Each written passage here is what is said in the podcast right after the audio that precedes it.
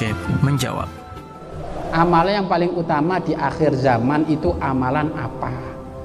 Tergantung Pak, ditengok dulu Pak. Kalau kelasnya santri, kelasnya santri, iya kan? Kelasnya santri, amal yang paling bagus yang mengamalkan ilmunya. Amal yang paling bagus mengamalkan ilmu, ilmunya. Kalau kelasan, kelas santri. Lah kalau kelas orang awam, bagaimana kelas orang awam? Kelas orang awam itu amalan dikir yang paling bagus yang mana? Amalan paling paling yang bagus, amalan yang bagus bagi orang awam di dalam urusan dikir, amalan yang istiqomah. Amalan yang istiqo, istiqomah. Mau baca Al-Qur'an istiqomah. Mau istighfar istiqomah. Mau solawat istiqomah. Hanya spesial di bulan Maulid ini banyakin solawat kalau di bulan sekarang nih banyakin solawat pak. Di bulan ini banyakin solawat minimal ibu minimal ini. Minimal sehari semalam 313 minimal. 300 bos dalam sehari selama satu bulan Robil Awal ini minimal solawat kita 313 kenapa? Ini bulan hari kelahiran baginda Nabi Muhammad Sallallahu Alaihi wasallam. Jadi Pak, sebaik-baiknya orang awam amalan itu adalah amalan zikir yang dilakukan dengan istiqo istiqomah. Ya.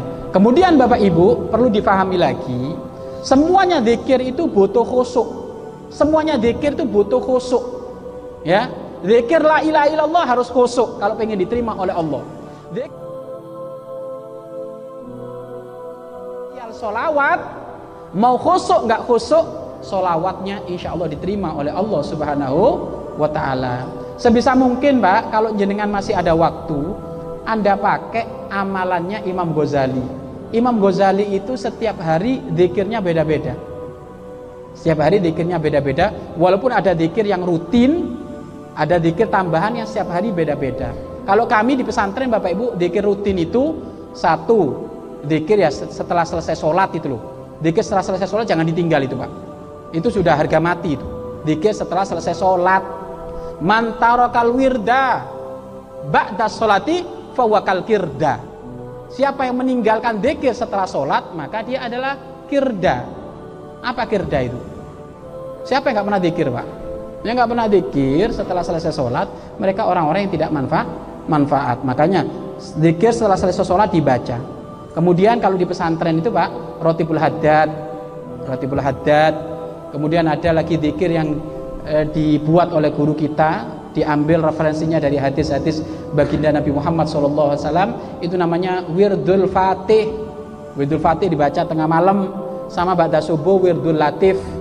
Nah ini ini ini doa-doa yang tidak pernah ditinggal di pesantren ya.